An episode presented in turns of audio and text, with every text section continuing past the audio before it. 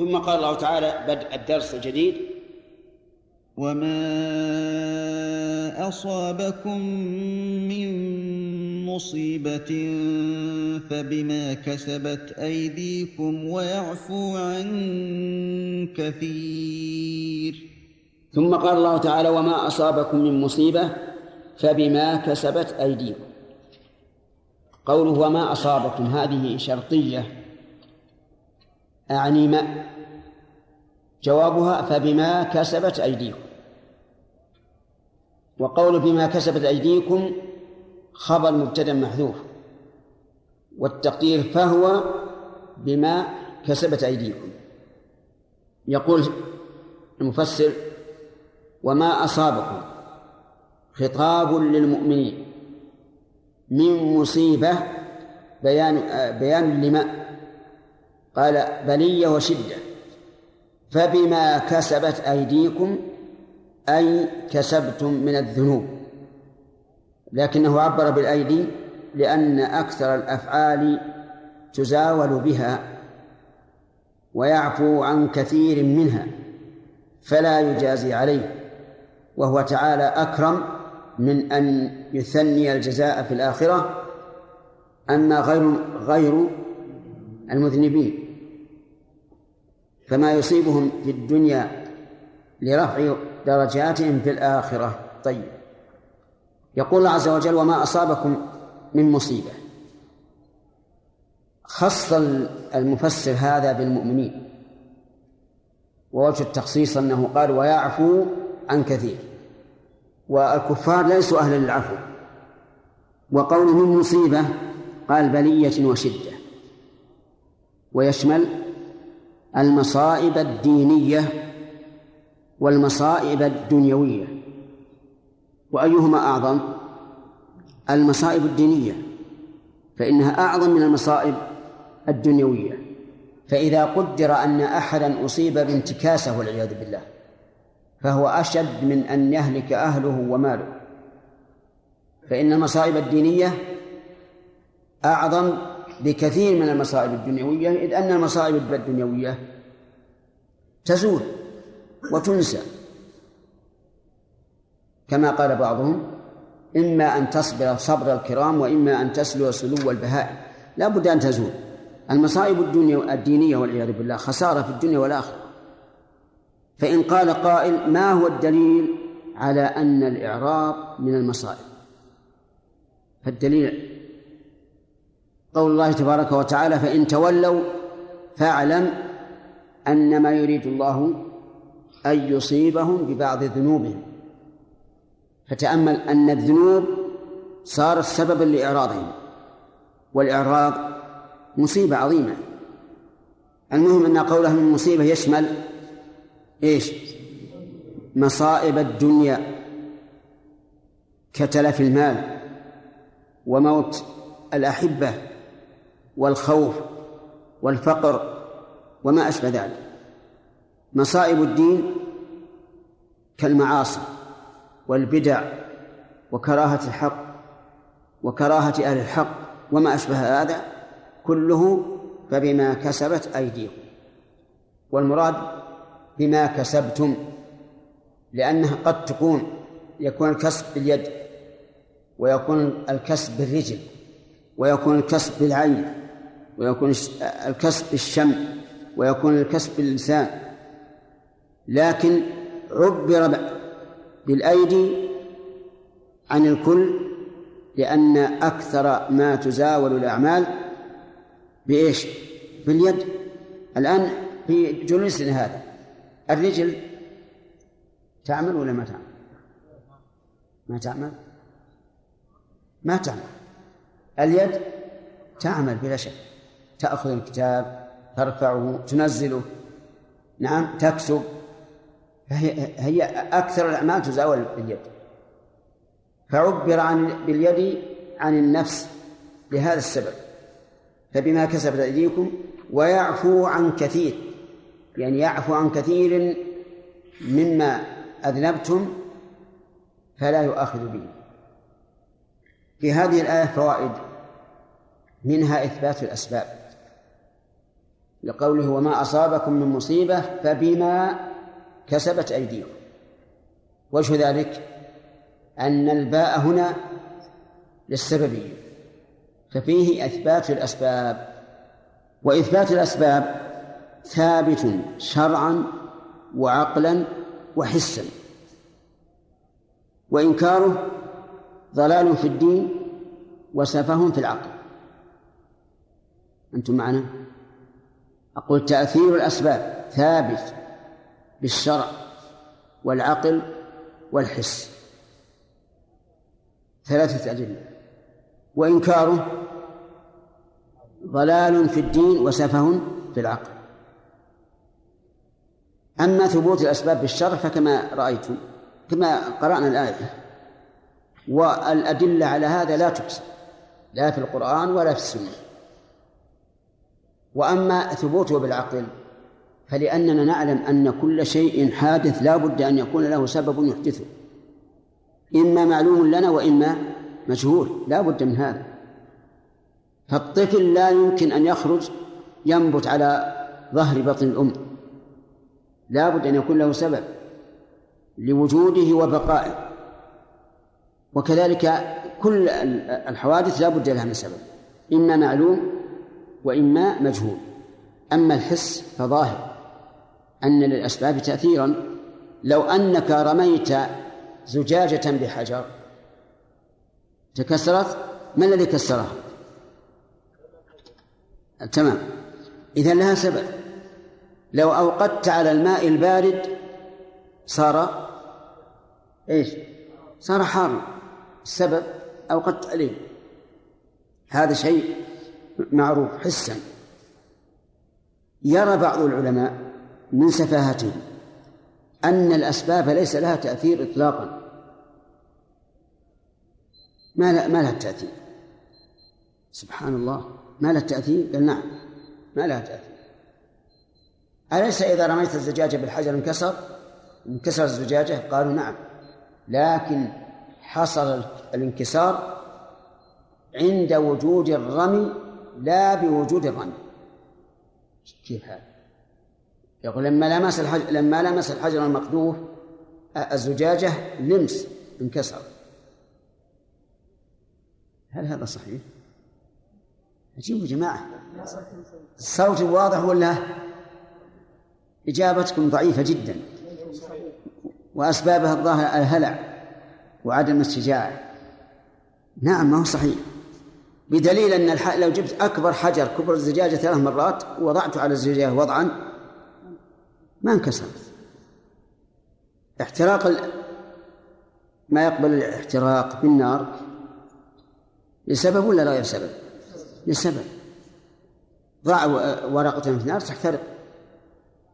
هذا أمر أمر معقول. يعني أمر مدرك بالحس. يقول لا أبد. لو أنك أثبتت تأثير الأسباب في مسبباتها لكنت مشركا بالله العظيم. أعوذ بالله. لأنك جعلت مع الله خالقا. فأقول لم أجعل مع الله خالقا. لكني أقول إن السبب يؤثر لا بنفسه ولكن بما أودعه الله من قوة. ما هو بنفسه. والدليل على هذا أن نار إبراهيم وهي نار عظيمة أحرقت جمعوا حطبا عظيما وأوقدوا عليه حتى إنهم رموا إبراهيم بالمنجنيق لأنهم لا يستطيعون أن يحوموا حول هذه النار من حرارتها ماذا كانت؟ قال الله تعالى فيها لها كوني بردا وسلاما على إبراهيم فكانت بردا وسلاما عليه فلم تؤثر اذا نحن نقول إنها سبب بما جعل بما اودع الله فيها من القوة وليس المؤثره بنفسه. هناك طرف آخر تطرف. قال الأسباب مؤثرة بنفسه. وهذا هذا هو الذي نقول إن في قوله نوعا من الشرك. وليست الأسباب مؤثرة بنفسها الدليل هو نار إبراهيم. فعلى كل حال نحن نؤمن بأن للأسباب تأثيرا ب... تأثيرا بإيش؟ بما أودعه الله فيها من القوى المؤثرة وأن هذه القوى قد لا تؤثر إذا أراد الله عز وجل فبما كسب أيديكم قلنا من فوائدها إثبات الأسباب لقوله فبما كسبت أيديكم ومن فوائد هذه الآية الكريمة أن الإنسان يجازى على كسبه بمثل كسبه. لأنه إذا كان بما كسب فلا بد أن يكون على قدر ما كسب. فإن كان أزيد كان ظلما والله سبحانه وتعالى لا يظلم أحدا. ومن فوائد الآية جواز التعبير بالبعض عن الكل. جواز التعبير بالبعض عن الكل. بقوله فبما كسبت أيديكم مع أنه يشمل ما كسبه الإنسان برجله كمشي إلى إلى بيوت الدعارة والخمر وما أشبه ذلك فإنه يؤخذ عليه. فإذا قال قائل هل كل بعض يجوز أن يعبر به عن الكل؟ فالجواب لا. ولكن بشرط أن يكون لهذا البعض تأثير على الكل. فكسب اليد له تأثير بلا شك لأن أكثر الأعمال بها. أعتق رقبة المراد أن أضرب بصفحة رقبة العتيق وأقول أنت أيتها الرقبة عتيقة. صح؟ نعم. خطأ. لكن عبر بالرقبة عن عن الكل لأن الإنسان لا يمكن أن يعيش بدون رقبة. ولأن الرقبة محل القتل التي إذا فصلت عن البدن هلك الإنسان. الخلاصة جواز تعبير التعبير بالبعض عن الكل بشرط أن يكون له أثر فيما عبر عنه به. من فوائد هذه الآية الكريمة أن الله يعفو عن كثير من الذنوب فلا يؤاخذ بها. لقوله ويعفو عن كثير. لكن هل هذا العفو مضمون؟ لا غير مضمون. والدليل قوله تعالى إن الله لا يغفر أن يشرك به ويغفر ما دون ذلك لمن يشاء. فلا يأخذك الأمن من مكر الله أن تقول إن هذا الذنب مما يعفو الله عنه وتفعل الذنب. هذا غرور واغترار. لأن قوله ويعفو عن كثير مقيد بقوله ويغفر ما دون ذلك لمن يشاء. قال المفسر وهو تعالى أكرم من أن يثني الجزاء في الآخرة. مراده رحمه الله أن المصائب التي تصيبنا بذنوبنا لا نعاقب على ذنوبنا في الآخرة. تكفي المصائب. هذا ظاهر الآية. لأن قوله فبما كسبت أيديكم يدل على أن هذه المصيبة هي الجزاء. وإذا كانت هي الجزاء فلن يثني الله الجزاء في الآخرة لأنه أكرم من أن يثني الجزاء. وهذا صحيح. أن ما أصيب به الإنسان في الدنيا فهو كفارة عن ذنوبه. إذا أقيم عليه الحد في معصية فيها حد فهو كفارة إذا عزر على ذنب ليس فيه حد فهو كفارة إذا أصابتهم مصيبة عن هذه الذنوب فهي كفارة فلا يعيد الله عليه العقوبة في الآخرة إلا ذنبا واحدا وهو السعي في الأرض فسادا. قال الله تعالى إنما جزاء الذين يحاربون الله ورسوله ويسعون في الأرض فسادا أن يقتلوا أو يصلبوا أو تقطع أيديهم وأرجلهم من خلاف أو ينفوا من الأرض. ذلك لهم خزي في الدنيا. وإيه؟ ولهم في الآخرة عذاب عظيم. فهذا مستثنى. وذلك لفداحة هذا النوع من الذنوب. فإن الفساد في الأرض ليس بالأمر السهل. فجعل الله هؤلاء المحاربين المفسدين في الأرض لهم عقوبتين. العقوبة بقطع العضاء والثانية ولهم في الآخرة عذاب عظيم إلا الذين تابوا. قال المفسر أما غير المذنبين فما يصيبهم في الدنيا لرفع درجاتهم في الآخرة. هذا الكلام يوحي بأن هناك أناسا كثيرين غير مذنبين. نعم. وهذا عند التأمل فيه نظر. لأنه ما من إنسان إلا ويصاب بذنب. ما من إنسان إلا يصاب بذنب. حتى أن النبي صلى الله عليه وعلى آله وسلم قال لو لم تذنبوا لذهب الله بكم ولجاء بقوم يذنبون فيستغفرون الله فيغفر لهم. وقال النبي صلى الله عليه وعلى آله وسلم كل بني آدم خطاء كل بني آدم. وخير الخطائين التوابون. وقال النبي صلى الله عليه وعلى آله وسلم عن نفسه اللهم اغفر لي ذنبي كله دقه وجله علانيته وسره وأوله وآخره. وقال الله لنبيه يخاطب إنا فتحنا لك فتحا مبينا. ها. ليغفر الله لك ما تقدم من ذنبك وما تأخر. فهل يمكن أن يجرؤ أحد فيقول إن الرسول لم يذنب؟ والله عز وجل يقول ليغفر لك الله ما تقدم من ذنبك وما تأخر. لا يمكن. لا ما يمكن أن تقول لا ذنب له حتى يمن الله عليه بمغفرته له. نعم الرسل معصومون من شيء ليس لغيره وهو الاستمرار في الذنب. هذا لا يمكن. لابد أن يعفو الله عنهم إما باستغفارهم وتوبتهم إلى الله وإما بمنة الله عليهم. أفهمتم؟ قال الله عز وجل لنبيه يا أيها النبي لم تحرم ما أحل الله لك تبتغي مرضات أزواجك؟ والله غفور رحيم. قد فرض الله لكم تحلة أيمانكم. وقال له عفى الله عنك لما أذنت لهم حتى يتبين لك الذين صدقوا وتعلم الكاذبين. هذا وهو النبي عليه الصلاة والسلام. يقول الله ليس استعجلت فأذنت لهم. وهذه آية عظيمة ترتب سير الإنسان ألا يتعجل في الأمور. إذا كان الله عاتب نبيه لأنه أذن لهم قبل أن يتبين له الأمر فما بالكم بغيره. وقال الله تبارك وتعالى وإذ تقول للذي أنعم الله عليه وأنعمت عليه أمسك عليك زوجك واتق الله وتخفي في نفسك ما الله مبديه وتخشى الناس والله أحق أن تخشاه.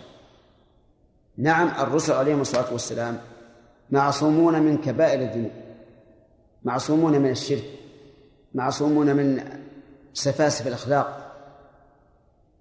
أما المعاصي التي دون ذلك فإنهم غير معصومين منها ولكنهم معصومون من إيش؟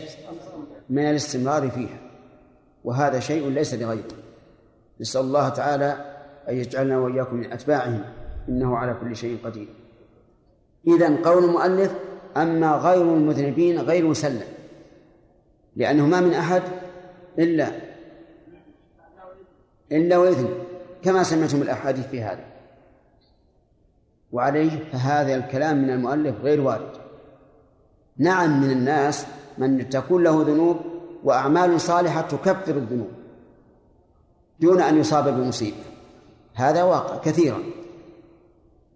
حكى رجل للنبي صلى الله عليه وسلم أنه رأى امرأة وأصاب منها ما يصيب الرجل من امرأته غير أنه لم يزني بها فقال أشهدت معنا صلاة الفجر؟ أظن. قال نعم. قال له إن الحسنات يذهبن السيئات. فصلاته الفجر أذهبت السيئات.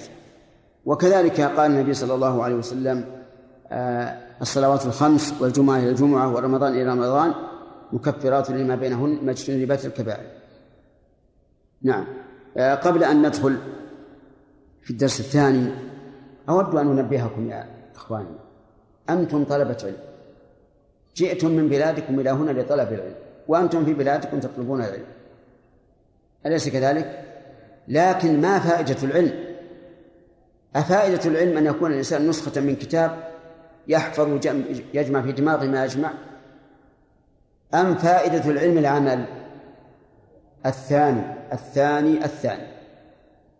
لا خير في علم لا عمل فيه. والعلم بدون عمل به حجة على الإنسان. لقول النبي صلى الله عليه وعلى آله وسلم القرآن حجة لك أو عليك. ما فيه قسم ثالث. وإذا وإذا عمل الإنسان بعلمه ورثه الله تعالى علم ما لم يكن يعلمه من قبل. كما قال الله تعالى والذين اهتدوا إيش؟ زادهم هدى هذا علم. زادهم هدى أي علما. وآتاهم تقواهم أي صاروا متقين لله عز وجل. العمل بالعلم مهم. والمقصود من العلم أن يتربى الإنسان به. حتى يكون عالما ربانيا. أنا أنقم من بعضكم. أنهم يدعون شيئا مهما وسهلا. وهو إفشاء السلام. نشاهد الآن الواحد منكم يمر بزميله وهو واقف. ولا يقول السلام عليكم. لماذا؟ أرغبة عن السنة أم زهدا في الأجر؟ أنا ما أدري. أم إيجاد سبب للكراهة والعداوة؟ لأن الإنسان إذا مر بك ولم يسلم لا بد يكون في قلبك شيء. إلا من تحجر قلبه واعتاد عدم السلام فهذا ميت. ثم إن النبي صلى الله عليه وسلم أقسم قال والله لا تدخلوا الجنة حتى تؤمنوا ولا تؤمنوا حتى تحابوا. داخل بالقسم. ولا تؤمنوا حتى تحابوا. أفلا أدلكم أو قال أخبركم بشيء إذا فعلتموه تحاببتم؟ أفشوا السلام بينكم. لماذا لا نفشيه بيننا؟ مع أن المسلم إذا سلم يأتيه كم؟ عشر حسنات. وأظن لو أن أحدكم قيل له كلما سلمت أعطيناك درهم ريال واحد. يسلم ولا ما يسلم؟ نعم؟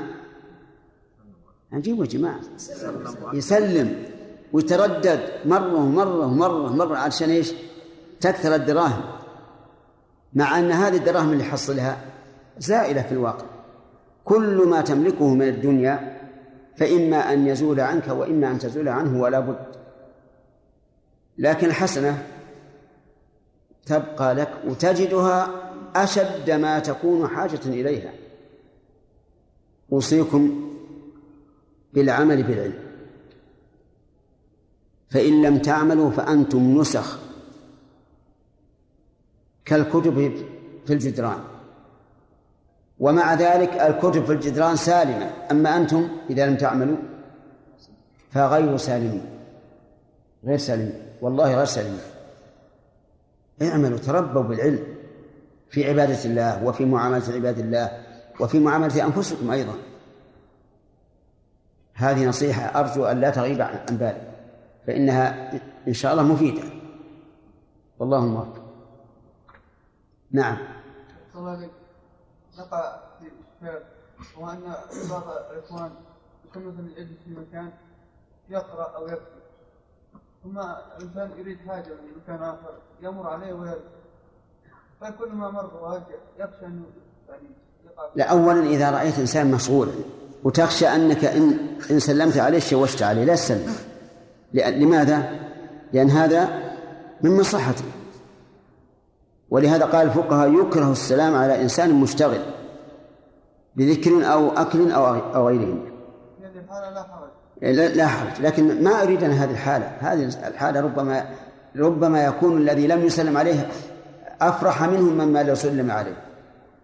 لكن تلاقون ماشيين أو واحد يبي يلبس حذاءه ومر الإنسان من عنده. تجاوزه. ما يسلم. ليش يسلم؟ والشطر والله الواحد يعني يكاد يتقطع. أن يشوف طلبة علم يمر بعضهم من بعض ولا يسلم. نعم؟ ما في شيء. نعم. ملاحظة بالنسبة للموضوع تكلمت شيخ بعضهم الشيخ يسلم عليه يطالع فيه. يعني ينظر إليك من نظر غضب. ما أدري كيف يا شيخ من أول رأسك إلى رؤوس قدميك. إيه. بعدين أدري. طيب. هذا صحيح. يقول إنك إذا سلمت بعض الناس إذا سلمت آه، جعل ينظر إليك. السبب أن هذه السنة ميتة عنده. ما يعرف. الذين يقودون المسجد لا هذا غلط ما تتكلم شيخ على لا هذا غلط. أما العوام فنعم بعض العوام إذا سلمت عليه شو وش العلم؟ نعم. لأنهم ما اعتادوا هذا. أما طالب علم فهذا ما له حق ما له حق شيخ احسن الله إليك. ولو كنت أمر على ناس كثيرين مثل السنن إذا كانوا جالسين هكذا صفا سلم عند أولهم ويكفي. نعم. شيخ أحسن الله آه، نبهتنا في هذا السلام جزاك أحسن الله إليك كثيرا. الطلبة شيخ أحسن الله إليك. يعني حريصين على السلام وبعضهم يكون قد ينسى أحيانا. لكن آه، السلام أحيانا يرد. لكن ما تفهم من هذا الرجل سلم أو تنحنى. لأنه شيخ أحسن الله عادة الواحد لما يقول السلام عليكم يأتي الرد مثله. لما يقول السلام عليكم تقول عليكم السلام ورحمة الله هكذا. لكن واحد ما تدري سلم ولا تنحنى؟ ما تدري طيب. أحيانا يكون الرد كذلك هكذا. واحد يقول السلام عليكم وما ما رد لا. لابد من البيان. يقول ما تدري هل تنحنى أو رد السلام. له على كل حال الاشتباه بين التنحنح والسلام غير وارد. لا ينطق بها شيء. نعم هو ربما يهمس بها همسا. وهذا غلط. سلم سلاما واضحا. كما أن بعض الناس بالسيارات الآن اذا لقوك يضرب بوري. معناه لو- لو معي بوري ضربت بوري عشان ارد عليه. هذا هذا غلط أيضا. لكن ربما يقول بعض الناس إنه يضرب بوري علشان انتبه ويسلم. نعم. هذه اشهر نعم. لو يقول الانسان بدعه كيف تكفر الذنوب وهي تزيد الذنوب؟ اي البدعة ما تكفر الذنوب تزيد في الذنوب. اي آه هذه هذه مصيبة. لكنها مصيبة تحتاج إلى توبة. يعني المصائب الدينية مصيبة لا شك أن الإنسان إذا إذا أصابه الفتور في الطاعة أو أو مثلا الإعراض عن الطاعة لا شك أنها مصيبة. لكنها لا لا لا يقر عليها. يجب أن يهرب منها كما يهرب من المصائب الحسية. نعم. وش فيه؟ إذا كان إذا كان؟ ثم يرد عليه نسيان كثير من الأقوال. نس... إيه؟ وهل يفرق بين نسيان القرآن ونسيان غيره؟ إيه معلوم هل هذا من؟ آه، الن- النسيان ما يخلو منه الإنسان. حتى النبي صلى الله عليه وسلم قرأ ذات يوم ونسي آية من, من, من كتاب الله. ما حد يسلم منه. لكن القرآن يجب تجب العناية به أكثر لأمر النبي صلى الله عليه وسلم بتعاهده والقرآن أكثر الأشياء نسيانا. يعني تحفظ مثلا المتن من متون الفقه ما يحتاج إلى تعاهد كثير. القرآن لابد أن تعاهده كثيرا وإلا نسيته. قال النبي صلى الله عليه وسلم تعاهد القرآن فهو الذي بنفسي بيده له أشد تفصيا أو تفلتا من الإبل في عقلها والحكمة من ذلك من كون الإنسان ينسى أكثر القرآن ينسى أكثر من غيره أولا الابتلاء. ليعلم الله تبارك وتعالى من هو راغب في حفظ القرآن أو غير راغب. ثانيا كثرة الأجر والثواب بترداده فإن في كل حرف عشر حسنات. ثالثا أن يبقى ذكر الله تعالى في قلبه. لأن القرآن كلام الله. فإذا كنت تقرأ القرآن فكأنما تناجي الله عز وجل. لأنك تقرأ كلامه سبحانه وتعالى. ولهذا جعل الله تعالى من الحكمة أن ينسى سريعا حتى تحرص عليه. نعم. حديث الشيخ النبي صلى الله عليه وسلم عندما جاءه ملكان في المنام فمر على الذين يعذبون في قبورهم. أو رجل آتاه الله القرآن فنام عنه بالليل ولم يعمل فيه في النهار. نعم. هل يدل هذا على وجوب القيام الليل على صاحب القرآن؟ لا ما يجب. ما يجب لكن هذا لعل هذا له صفة خاصة هذا الرجل. أو يقال نام عنه في الليل يعني حتى عن الواجب فيه. كصلاة العشاء مثلا صلاة الفجر لأن المنافقين لا يصلون الفجر ولا العشاء. يقولون إن بعض السنن تجب على طالب العلم. لا. نعم بعض السنة صحيح تشجع على طلب العلم إذا كان عمله إياها إحياء للسنة فهنا يجب عليه فعلها لأن هذا من باب البلاغ ثم قال عز وجل وما أنتم بمعجزين في الأرض وما لكم من دون الله من ولي ولا نصير. قال الله تبارك وتعالى وما أنتم بمعجزين في الأرض وما لكم من دون الله من ولي ولا نصير. ما نافية وهي تعمل عمل ليس على لغة الحجازيين والقرآن الكريم نزل بلغتهم. وعلى هذا فيكون قوله أنتم اسمها. وبمعجزين خبرها لكنه اقترن بالباء. الزائدة إعرابا الزائدة معنى يعني أنها من حيث الإعراب زائدة. لو حذفت لتم الكلام بدونها. ولكنها من حيث المعنى غير زائدة بل هي مفيدة. وفائدة حروف الزيادة هو التوكيد. كلما جاءت جاءك حرف زائد فهو لتأكيد العموم. يقول ما أنتم بمعجزين في الأرض؟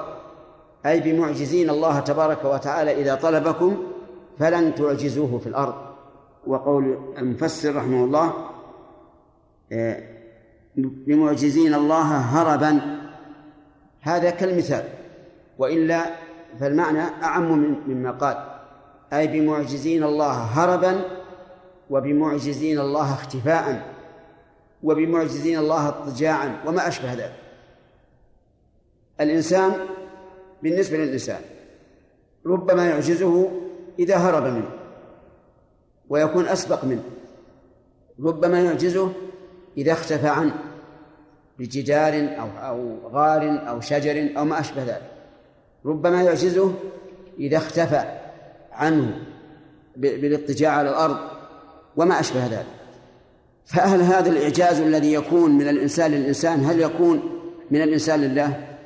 لا لأن الله تعالى لا يخفى عليه شيء في الأرض ولا في السماء ولا يمتنع على قدرته شيء في الأرض ولا في السماء. وهذا كالوعيد لهؤلاء. وما لكم من دون الله أي غيره من ولي ولا نصير. ما لكم ما هذه نافية ولا نقول إنها حجازية لأن من شرط عملها عمل ليس الترتيب. أن يكون الاسم هو المقدم وهنا الخبر هو المقدم وعليه فتكون نافية غير عاملة. وما لكم من دون الله من ولي من هذه زائدة لتوكيد النفي. من ولي ولا نصير يدفع عذابه عنكم. من ولي يتولاكم ويحسن ولايته ولا نصير يدفع عنكم. فليس هناك ولي يتولاكم من دون الله ولا نصير يدفع عنكم عذاب الله. بل أنتم في قبضته تبارك وتعالى أينما كنتم. في هذه الآية الكريمة من الفوائد أولا تهديد المشركين. بعذاب الله وأن الله إذا أراده لم لم يعجزه. ومنها وجوب خوف الله تعالى ورقابته. لأنه سبحانه وتعالى إذا أراد أن يعذب العاصي فلن يخفى عليه. ومن فوائده أيضا أنه ليس أحد يقوم بتولي هؤلاء المكذبين وينصرهم من دون الله. وعلى رأس هؤلاء الأصنام. فالأصنام لا تنفعهم بل هي إن كانت عاقلة تتبرأ منهم يوم القيامة. وإن لم تكن عاقلة فهي وإياهم حصب جهنم كما قال عز وجل في سورة الأنبياء إنكم وما تعبدون من دون الله حصب جهنم أنتم لها واردون. ثم قال عز وجل ومن آياته الجوار في البحر كالأعلام. إن يشأ يسكن الريح فيظللن رواكد على ظهره.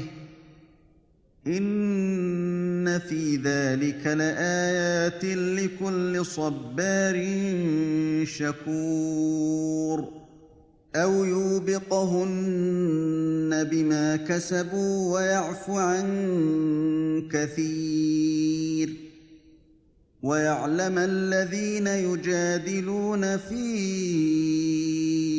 آياتنا ما لهم من محيص ومن آياته الجوار من للتبعيض وآياته علاماته الدالة على رحمته وقدرته وحكمته. الجواري مبتدا مؤخر ولكنها معربة بتقدير الضمة على الياء المحذوفة للتخفيف وأصل الجواري الجواري بالياء جمع جارية والجارية هي السفينة.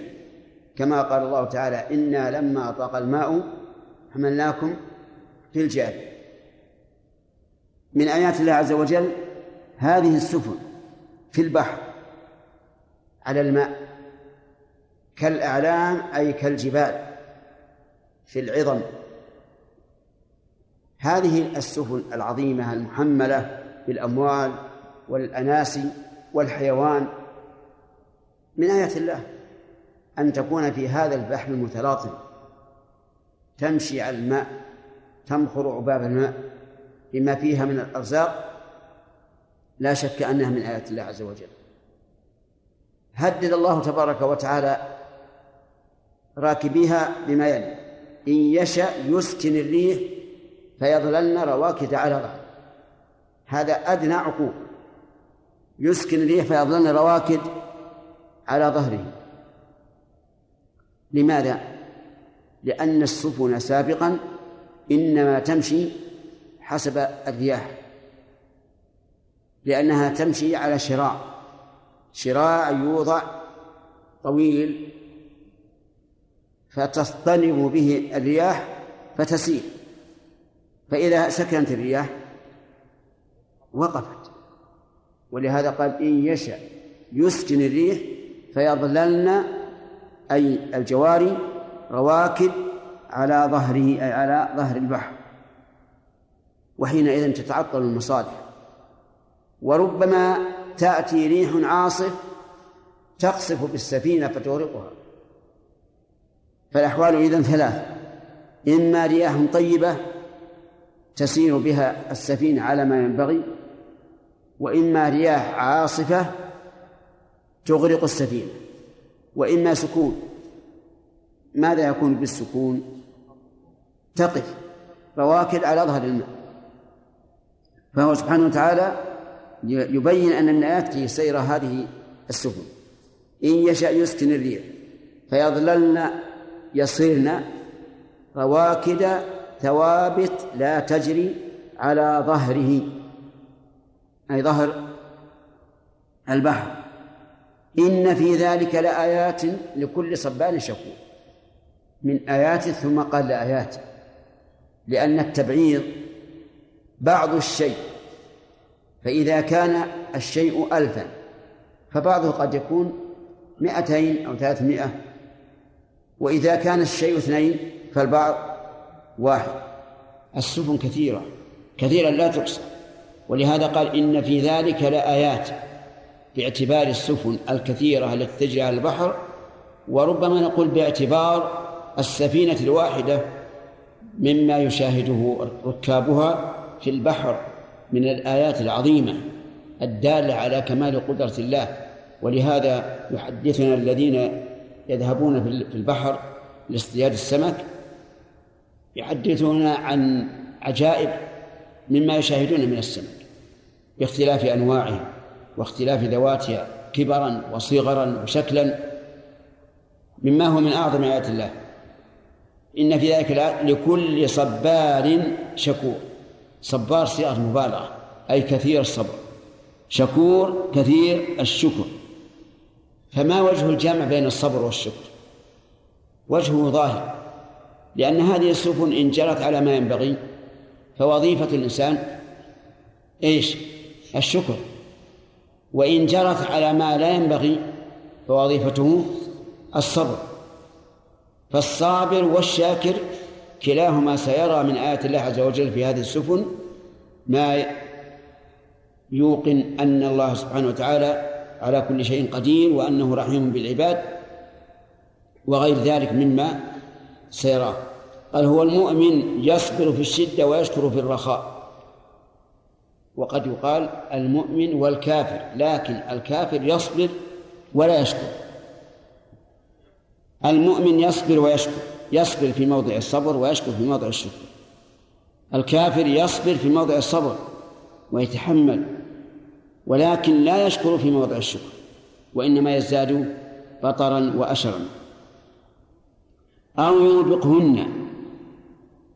عطف على يسكن. أي يغرقهن بعصف الريح بأهلهن. هذا القسم الثالث. إن يشأ يسكن الريح. وإن يشاء يوبقهن. أي يغرقهن. بما كسبوا أي بسبب كسبهم.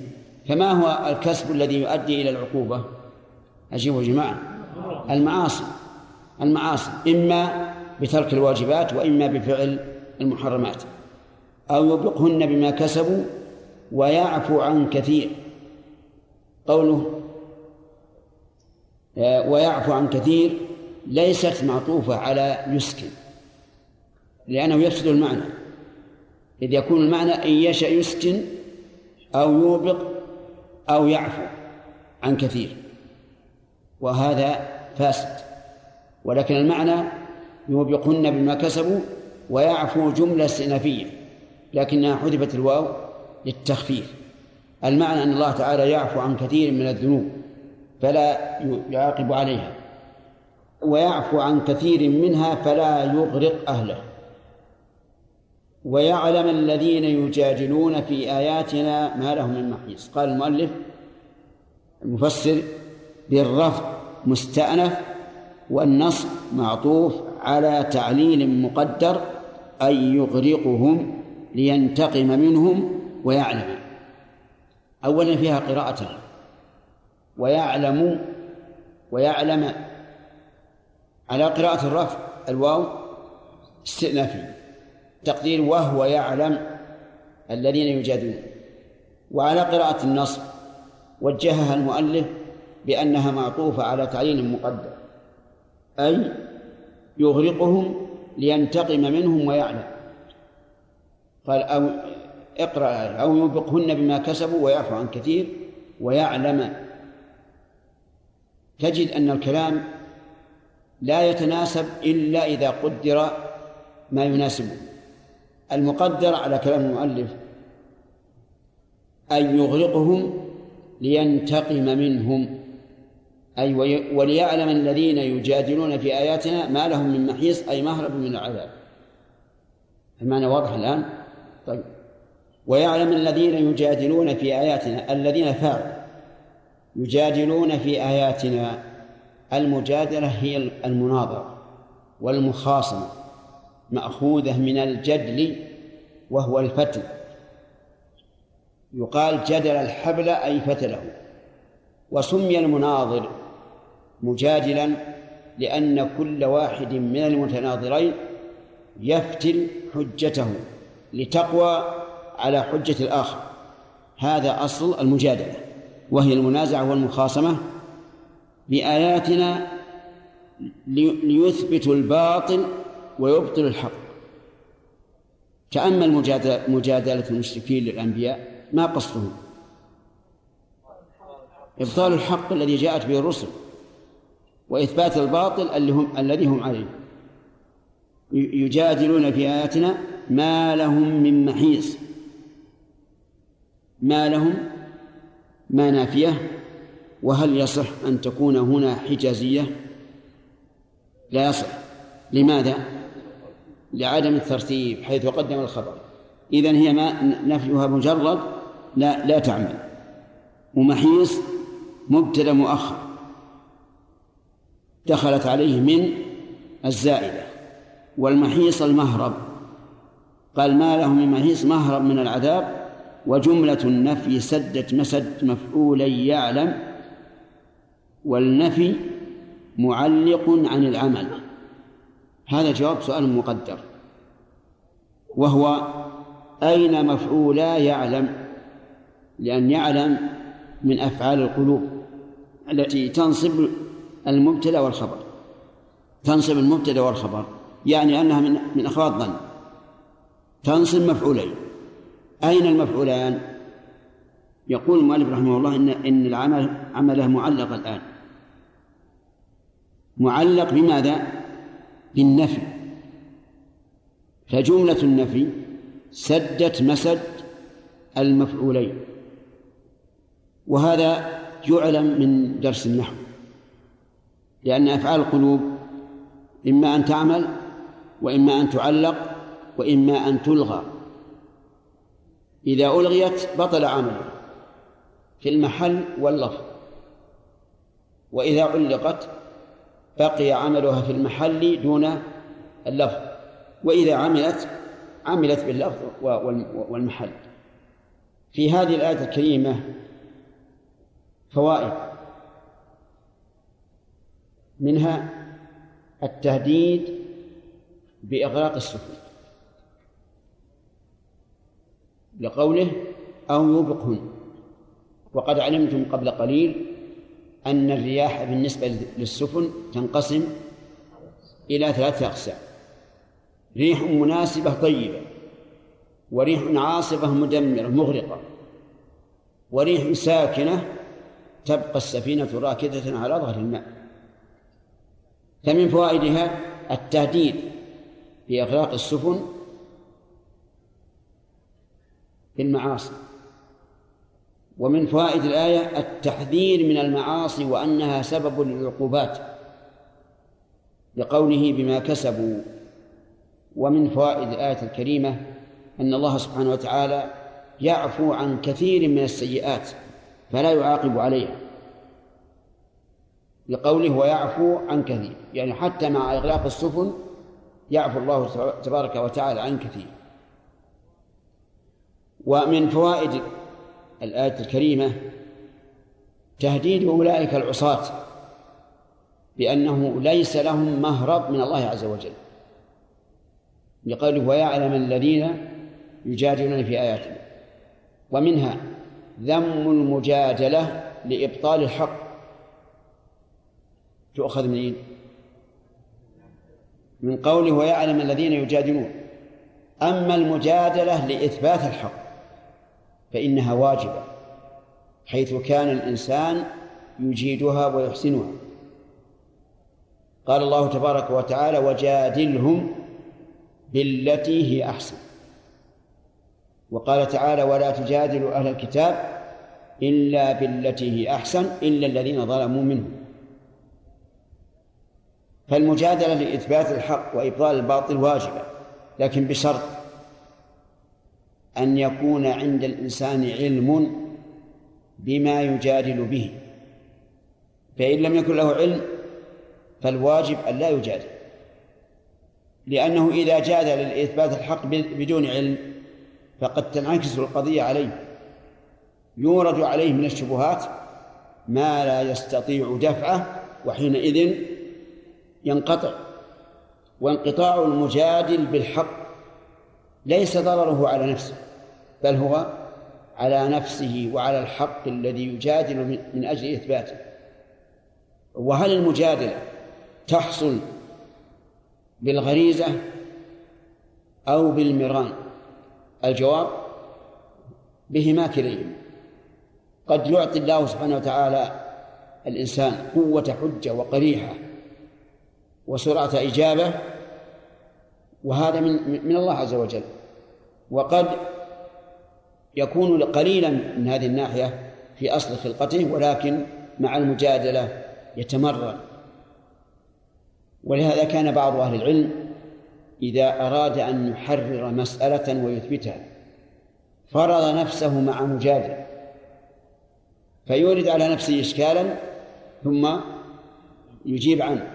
ثم إشكالا ثم يجيب عنه حتى يتمرن على المجادلة.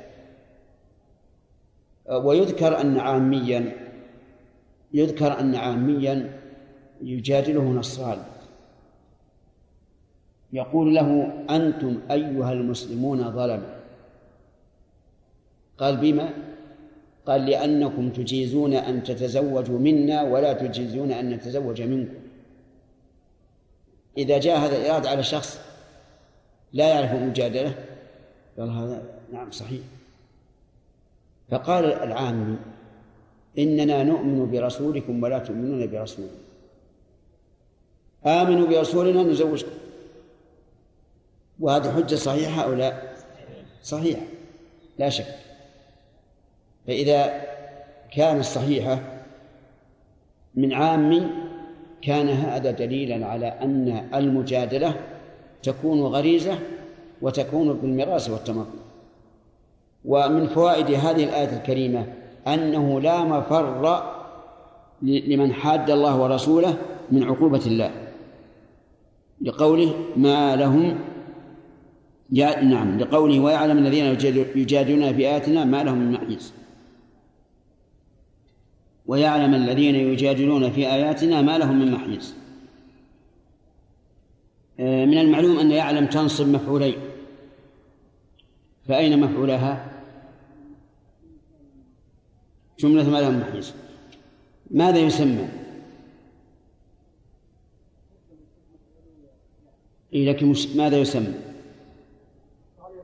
يسمى تعليق وذكرنا لكم أن ظن وأخواتها تكون عاملة ومعلقة وملغاة أفهمتم؟ طيب قوله يجادلون في آياتنا هل هذا مدح أو أو ذم؟ ويعلم الذين يجادلون في آياتنا هل هذا مدح أو ذم؟ ذم طيب كيف يكون ذما وقد أمر الله تعالى بمجادلة أهل الكتاب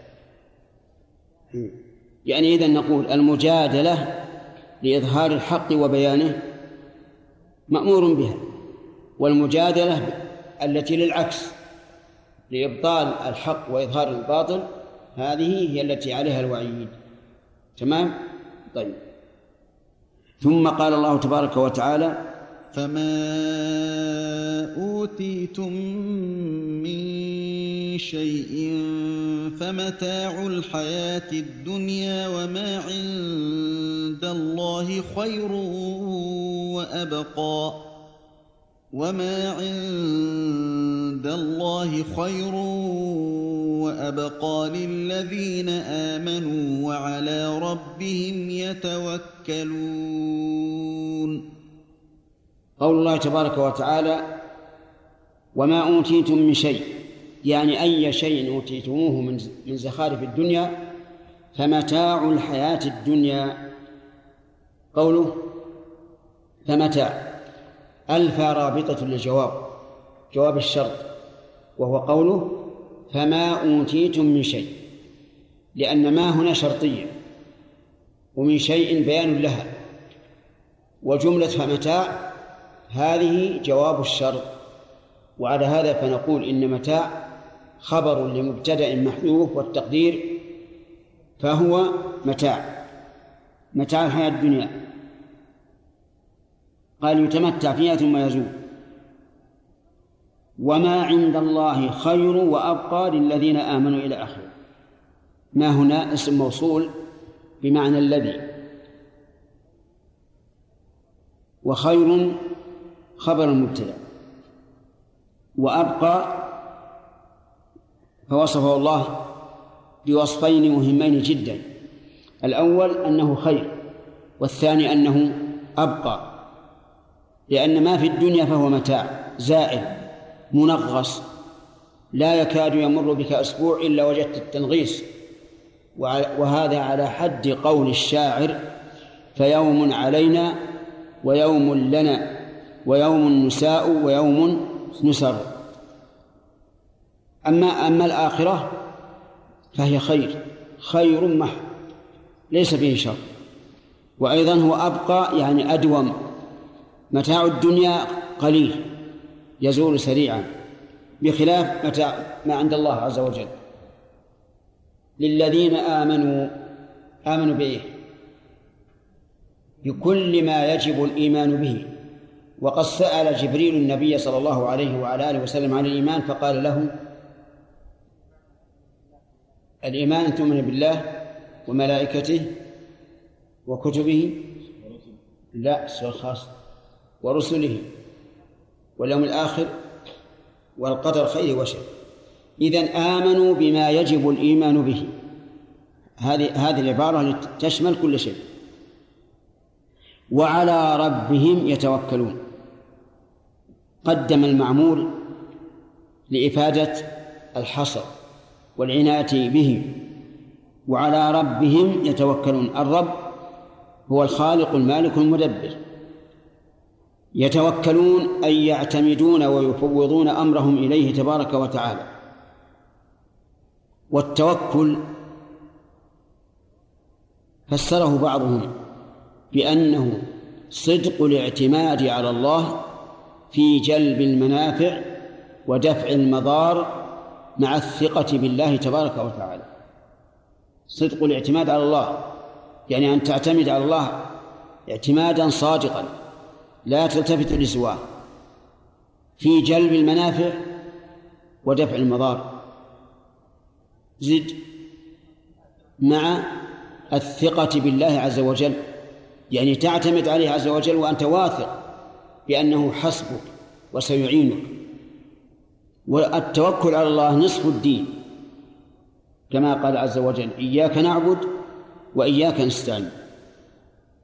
إذ لا يمكن للإنسان أن يأتي بشرائع الإسلام إلا بالتوكل على الله والاعتماد عليه. انظر إلى قوله إياك نعبد وإياك نستعين وإلى قوله فاعبده وتوكل عليه. تجد أن الله تعالى قسم الدين إلى قسمين. عبادة واستعانة.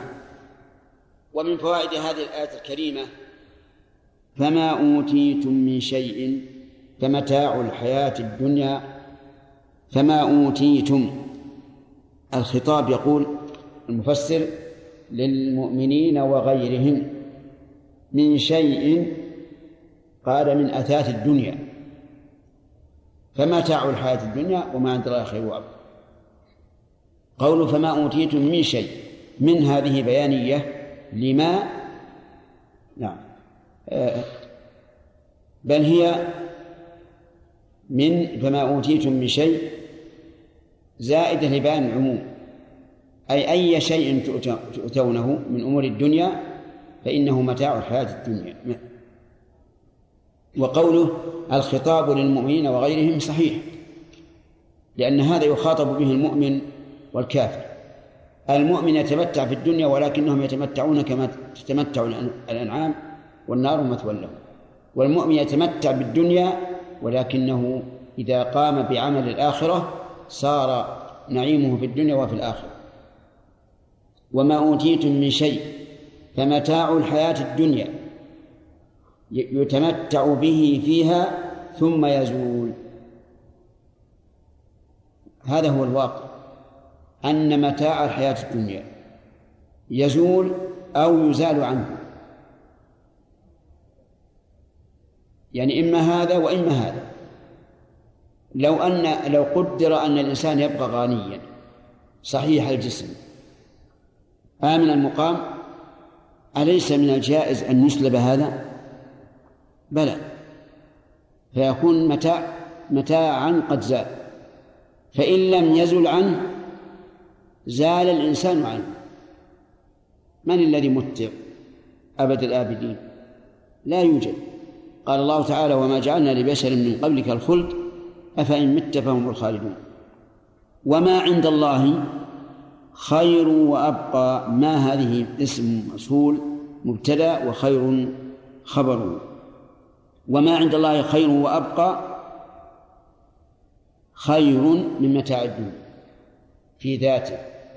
ونوعه وكل متعة متعة. وأبقى أي أدوم لأن متاع الدنيا يزول. فنعيم الآخرة جمع بين الوصفين أنه خير وأنه أبقى. فباعتبار نوعه وجنسه وأصنافه هو خير وباعتبار بقائه هو أبقى.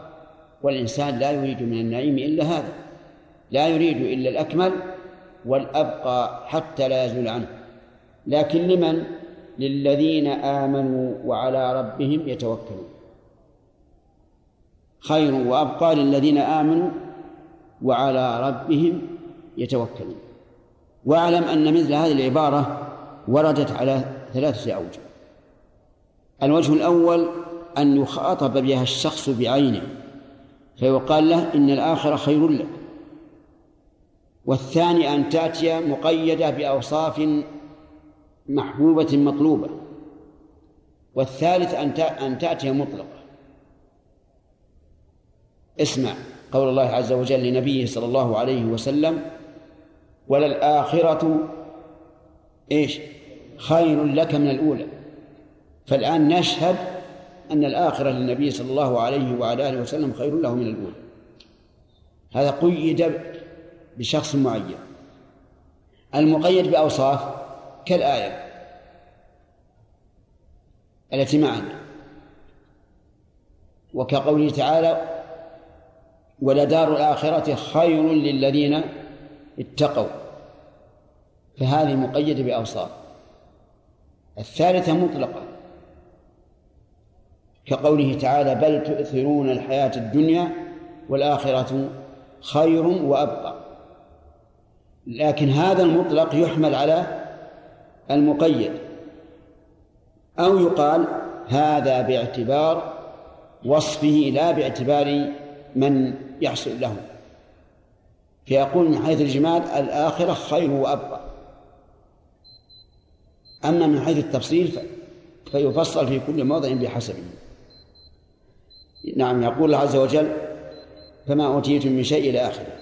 في هذه الآية فوائد منها التزهيد في الدنيا وأنها زائدة ومن فوائدها إنذار الكفار بأن ما هم فيه من النعيم ليس بشيء بالنسبة لنعيم الآخرة. وذكر أهل التاريخ أن ابن حجر رحمه الله صاحب فتح الباري كان قاضي القضاة في مصر. فمر ذات يوم برجل يهودي زيات يعني يعمل في الزيت. كل ثيابه وسخة وأوانيه وفي تعب شديد. فمر ابن حجر العسقلاني رحمه الله وهو قاضي القضاة مر بمركبه تجره الخيول أو البغال وفي أبه فأوقفه اليهودي وقال ما تقولون في قول نبيكم إن الدنيا سجن المؤمن وجنة الكافر؟ كيف يتفق هذا مع الحال التي نحن عليها الآن؟ أنت مؤمن وفي هذا النعيم واليهودي يهودي وفي هذا العناء والتعب. كيف يتفق فأجابه الحافظ بن حجر بجواب على البديهة فقال ما أنا فيه من النعيم؟ بالنسبة لنعيم الآخرة سجن لأن الآخرة خير وهذا ليس بشيء وأنت بما بما أنت فيه من العناء بالنسبة لعذاب النار في جنة. فقال اليهودي أشهد أن لا إله إلا الله وأن محمد رسول الله. آمن على طول لأن هذا دخل عقله. وأن ما قاله الرسول حق. الدنيا مهما كانت فهي بالنسبة للآخرة سجن ما هي شيء. ولكن الدنيا مهما كانت من الضيق فهي بالنسبة للنار. جنة نعم. ومن فوائد هذه الآية هذه الآية الكريمة أن حياتنا هذه دنيا. دنيا من الدنو أي أي القرب أو من الدناءة أي الخسة والحقارة تشمل المعنيين جميعا. فهي قريبة لأنها سابقة على الآخرة من حين يولد الإنسان وهو فيها. وهي دنيئة أي حقيرة. بالنسبة لإيش؟ عجيب جميع بالنسبة للآخرة. إذا دنيا مؤنث أدون وهي إما من الدنو وإما من الدناءة والحقارة ففيها تحقير الدنيا. ومن فوائد هذه الآية الكريمة أن ما عند الله خير من الدنيا بأجمعها. لقوله وما عند الله خير وأبقى. إذن فيه التزهيد في الدنيا فيها الآية التزهيد في الدنيا والترغيب في الآخرة. من فوائد الآية الكريمة الثناء على من من جمع بين الإيمان والتوكل من جمع بين الإيمان والتوكل لقوله للذين آمنوا وعلى ربهم يتوكلون. من فوائدها أن التوكل عبادة يجب إفراد الله به. وجه الدلالة وتقديم المعمول.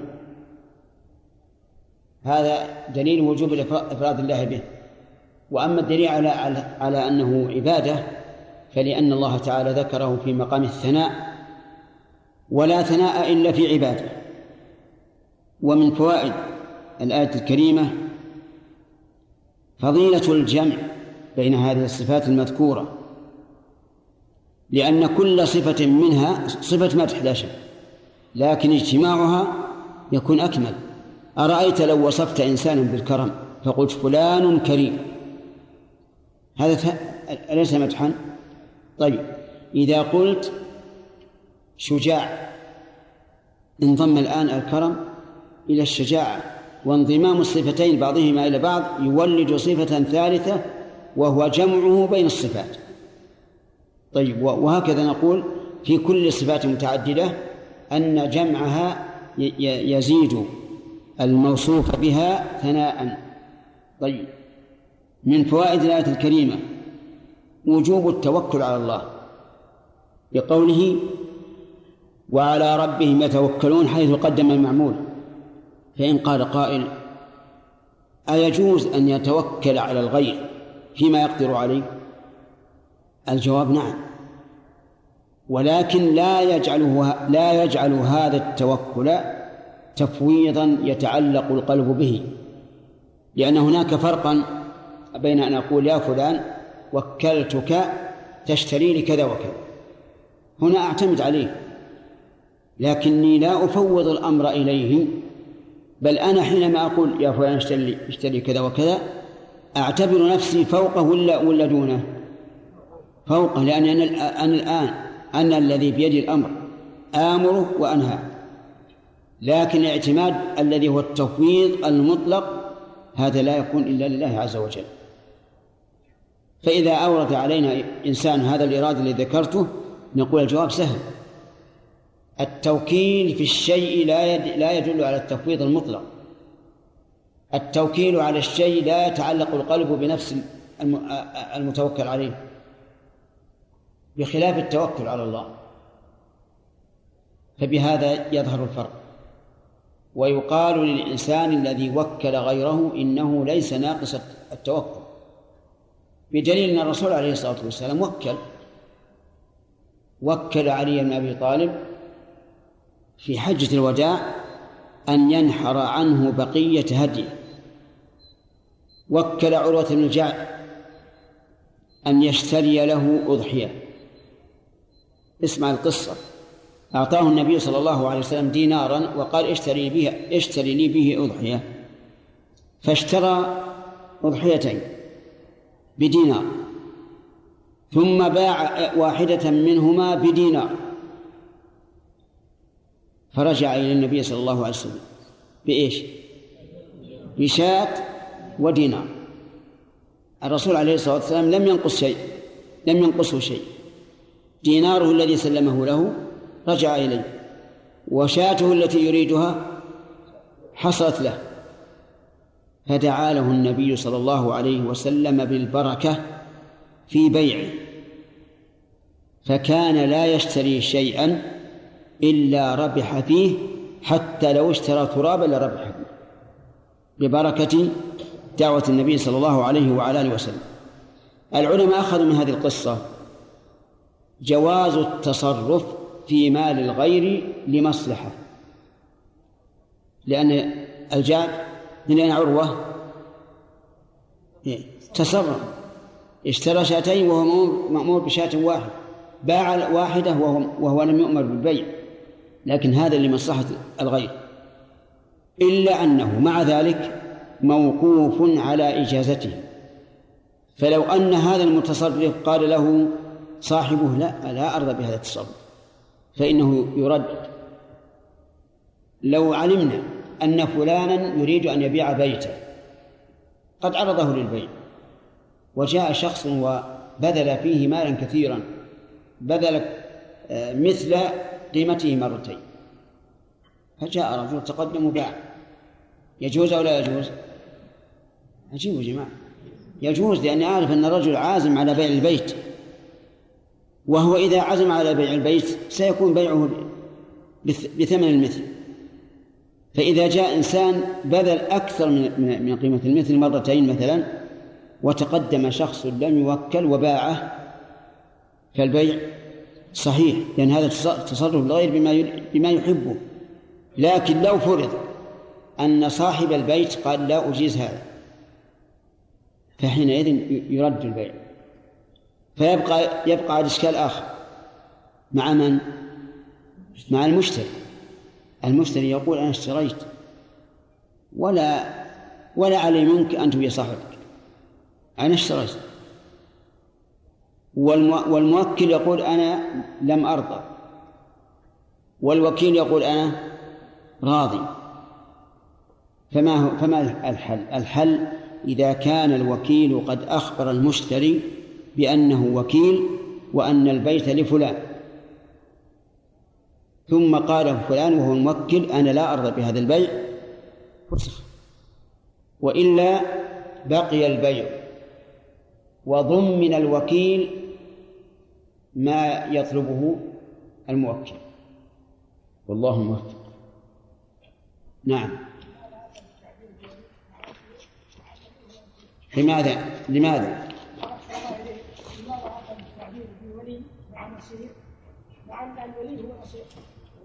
لا. الولي هو الذي يتولى الأمور وقد لا يستطيع المدافع. يتولى أمورهم ولكن لا يستطيع أن يدافع والنصير يستطيع أن يدافع. فليس لهم ولي يجلب الخيرات ولا نصير يدفع الشرور. نعم. نعم. وبين البلاء المؤمن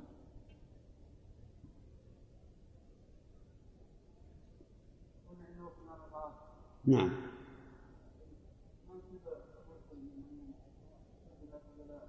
نعم. الجواب أن أن هذا لمن أصيب. فيبين لهم أن هذا بما كسب أيديهم لعلهم يتوبون ويرجعون إلى الله. وأما الإصابة بدون ذنب فهذه لرفعة الدرجات لأن الإصابة يقابلها الصبر لا بد من صبر عليها والصبر درجة عالية لا ينالها إلا من وفق لها ولا يمكن أن يقال صابر لمن لم يمسه أذى ولهذا كان البلاء الذي للأنبياء مضاعفا على البلاء الذي لغيرهم حتى في الأمراض. فإن النبي صلى الله عليه وعلى آله وسلم كان يوعك يعني تجيه الوعكات كما يوعك الرجلان منا وشدد عليه في الموت عليه الصلاة والسلام حتى يكون آخر حياته على أتم مقامات الصبر.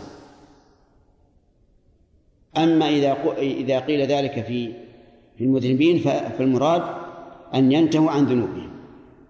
لا لا هذه من عقوبة من الله عز وجل. خزي يعني ذل.